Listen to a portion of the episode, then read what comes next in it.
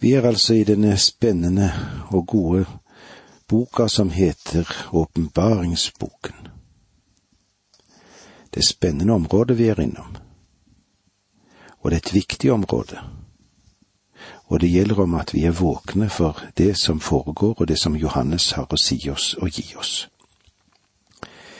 Vi er altså i det syvende kapittelet, og i vers fire der leser vi slik og jeg hørte tallet på dem som hadde fått seilet. Det var 144 000 fra alle stammene i Israels folk. Det er helt klart at Gud vil berge en rest av sitt folk. Sammenlignet med de millionene av jødene som finnes i verden i dag, så er det et antall som blir nevnt her, som er å se på som en rest. Jeg synes det er nytteløst å forsøke her å spekulere eller trekke veksler på symboler. Noen mener at antallet 144 000 er et symbol for et annet antall. Bibelen gir oss ingen direkte grunn til å tro det. Fra alle stammene i Israels folk. Fra den dagen Gud kalte Abraham, har det alltid alltid vært en rest. Det er en rest i dag også. Og jeg kjenner noen flotte kristne jøder. Det er ingen stor rest, men det er heller ingen stor rest av hedninger. Men sett atskilt, så er det en stor minoritetsgruppe i dag som er levende Kristus-troende. I Romerbrevet 9,8 så sier Paulus det slik. Dette betyr at den naturlige avstamning ikke gjør noen til Guds barn. Det er de som er barn i kraft av løftet, som skal regnes som Abrahams ett. Og dette er sant også i dag. Og så skriver Paulus igjen i Romerbrevet, det ellevte kapitlet vers fire og fem. Men hva er Guds svar til ham? Jeg har holdt 7000 mann igjen som ikke har bøyd kne for Bal. På samme måte er det også i vår tid blitt en rest igjen som Gud har valgt ut av nåde. Paulus sa at i hans tid var det en rest i menigheten. Det er en rest i våre dager i menigheten også. Under den store trengsel vil det også være en rest. Og antallet for den jødiske sektor, den gis oss her. Dette er dem som skal vitne under den store trengselen. Og i Matteus 24, 14, der den Herre Jesus taler om den store trengsel, så sier han det på denne måten. Og evangeliet om riket skal forkynnes i hele verden til vitnesbyrd for alle folkeslag, og så skal enden komme. Noen vil kanskje si at evangeliet om riket er et annet evangelium. Selvfølgelig er det ikke det. Gud har aldri hatt mer enn én vei til å, å frelse syndere, og den kjenner du. Det er gjennom Kristi døde. Om du hadde spurt Abel da han brakte sitt lille lam som offer for Gud. Abel, tror du at dette lille lammet ville frelse deg? Han ville sikkert ha svart som så, nei.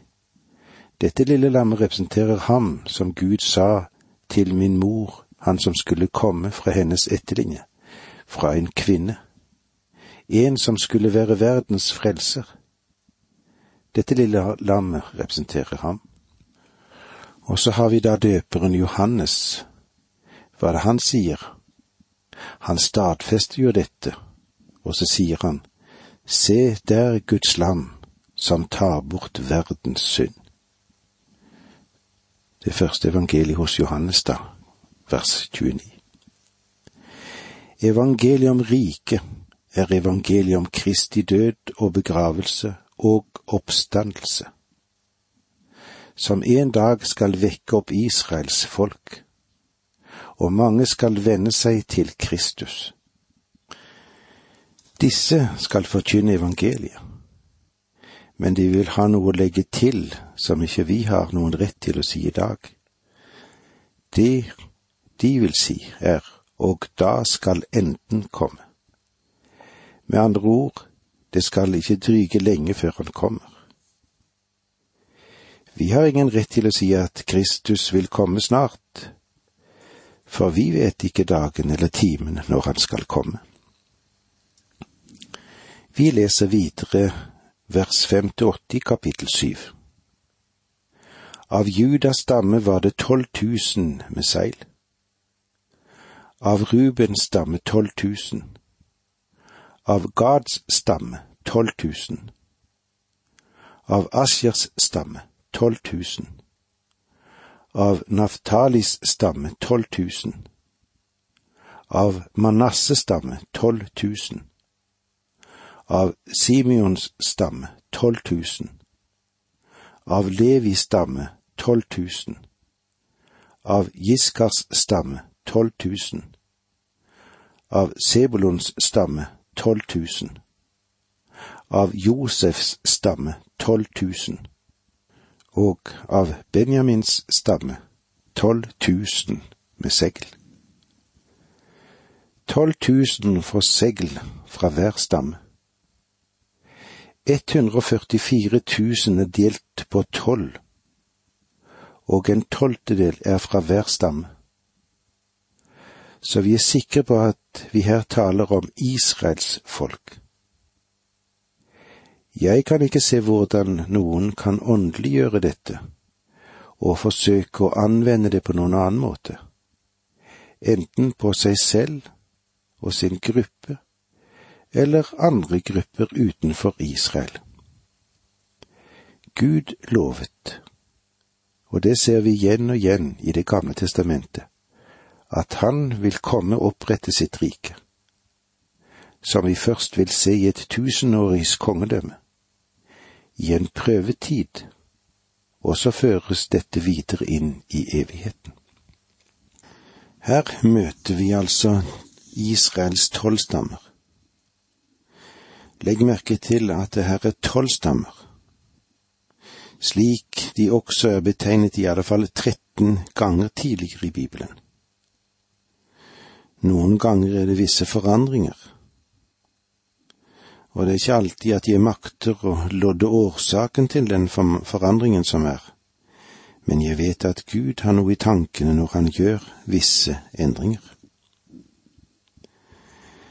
Det er visse merkverdigheter i denne listen som jeg gjerne vil gjøre dere litt oppmerksomme på. Og jeg tror det er viktig og verd å merke seg. Men jeg tror ikke det er vesentlig for oss å gå i detalj angående disse tolv stammene. Først av alt legger du sikkert merke til at det var Juda som står øverst på denne listen. Det var jo Ruben sin stamme som skulle ha kommet først, for Ruben var jo den eldste. Men på grunn av grov umoral så mistet han førsteplassen. Men han er fremdeles inkludert. Spørsmålet kommer ofte opp. Når en kristen synder, mister han da sin frelse? Nei, ikke nødvendigvis, men han mister sin lønn, slik Bibelen vurderer det. Ærlig talt tror jeg at det er mange kristne som ble frelst, som ga etter for synd, og som vil miste sin lønn. Ruben han er et meget godt eksempel på hvordan Gud håndterer dette, og det prinsippet blir nedfelt her. Ruben, han mistet sin førsteplass. Han mistet ærens plass. Men han ble ikke helt borte. Han ble nevnt her, men han er nummer to. Han skulle jo ha vært nummer én. Juda var den stamme som ble gitt førsteplassen, og var stammen som den Herre Jesus Kristus kom fra. La oss som avslutning se Første Mosebok i det 49. kapitlene vers åtte til ti. Juda, deg priser dine brødre. Din hånd tar fienden i nakken, din fars sønner bøyer seg for deg. En løveunge er Juda. Fra rov er du kommet hjem, min sønn. Han legger seg til ro og strekker seg som løven, som løvinnen. Hvem våger å vekke ham? Konges spir skal ikke vike fra Juda eller herskerstaven fra hans føtter, til den rette kongen kommer, han som folkene skal lyde. Og med disse ordene sier vi takk for nå, må Gud være med deg. Dette undervisningsprogrammet består av to deler. Åge Nevland fortsetter nå med andre del av dagens undervisning. Vi er i åpenbaringsboken, Johannes sin åpenbaring, og vi ser hvordan det går med Israels rest, som vi ofte kommer inn på. En rest av Israel blir beseglet. Og vi ser hvordan denne resten er, og vi leser sammen versene fem til åtte i kapittel syv. Av Judas stamme var det tolv tusen med segl, av Rubens stamme tolv tusen av Gads stamme tolv tusen og av Asjers stamme tolv tusen. Av Naftalis stamme tolv tusen. Av Manasses stamme tolv tusen. Av Simeons stamme tolv tusen. Av Levis stamme tolv tusen. Av Jisikars stamme tolv tusen. Av Sebulons stamme tolv tusen. Av Josefs stamme tolv tusen og av Benjamins stamme tolv tusen med segl. Vi var innom hvorfor det var Juda som var den som sto først, og Ruben nummer to. Og eh, vi så at Ruben mistet førsteplassen på grunn av det han hadde gjort. Vi ser også her at Dan og Efraims stammer, de er utelatt fra listen. Begge disse stammene var skyldige i å føre folket inn i avgudsdyrkelse. Historisk vil du se at Dan var den første samme som falt i avgudsdyrkelse. Det kan vi se i Dommerens bok 1830. Der satte de opp det utskårne gudebildet, og Jonathan, sønn av Gershom, Moses' sønn og etterkommere hans var prester fra, for Dans stamme, helt til den dagen folket ble bortført fra landet. Dans stamme ble senere hovedkvarteret for tilbedelsen av kalven, og eh, Jeroboam fikk Israel til å synde. Dette kan du òg se i første kongebok i det tolvte kapitlet at de ble gitt topprioritet under tusenårsriket, det kan du se om i Sekel 48, forteller at Guds nåde rekker ned og møter synderens dypeste behov.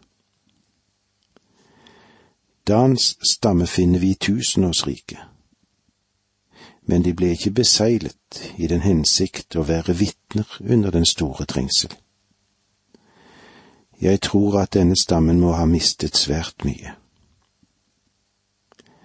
Efraim var også skyldig i avgudsdyrkelse. I Hosea 4,17 leser vi slik. Efraim er bundet til gudebilder. La ham bare fare. Det henviser til Nordriket Israel, men husk at Efraim var lederen der. Det var også Efraims stamme som førte an under delingen av riket, slik som du kan se det i første kongebok elleve.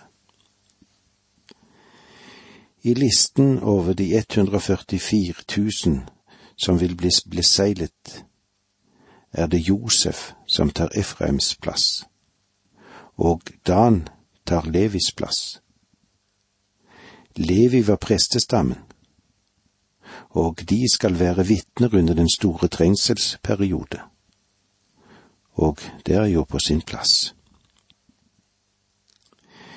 Jeg går ut fra at vi nå kan forstå og se at Gud har igjen vendt seg til israelsfolket. Han har ikke gitt dem opp. Han sa jo det slik i Hosea 11,8. Hvordan kan jeg oppgi deg, Efraim?